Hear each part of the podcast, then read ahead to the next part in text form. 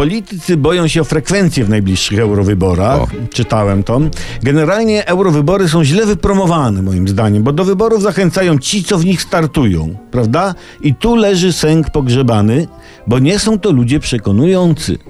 Reklama proszku czy batonów z ich udziałem byłaby porażką. To co się dziwić, że ludzie, ludzie wyborów nie kupują, prawda?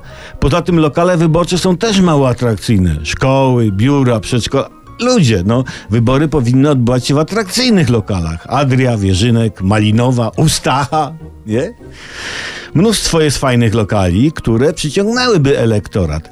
A w komisjach wyborczych powinny zasiadać gwiazdy seriali. Na przykład. Tyle tych seriali jest, że spokojnie się obsadzi większość lokali wyborczych, dorzucić parę gwiazd show biznesu i w każdym lokalu wyborczym będzie ktoś popularny.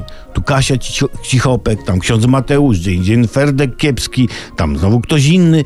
Dodatkowo ogłosiłoby się, że gwiazdy przesłuchują przy okazji chętnych do zrobienia artystycznej kariery.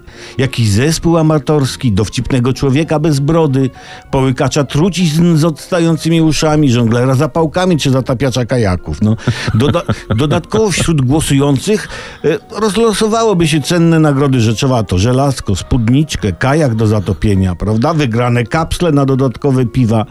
Przy tak zorganizowanych wyborach ludzie waliliby drzwiami i oknami do, do, do tych lokali. I nawet kandydaci nie byliby potrzebni. O! I to byłaby największa zaleta takich atrakcyjnych wyborów. Brak kandydatów. Co wy na to?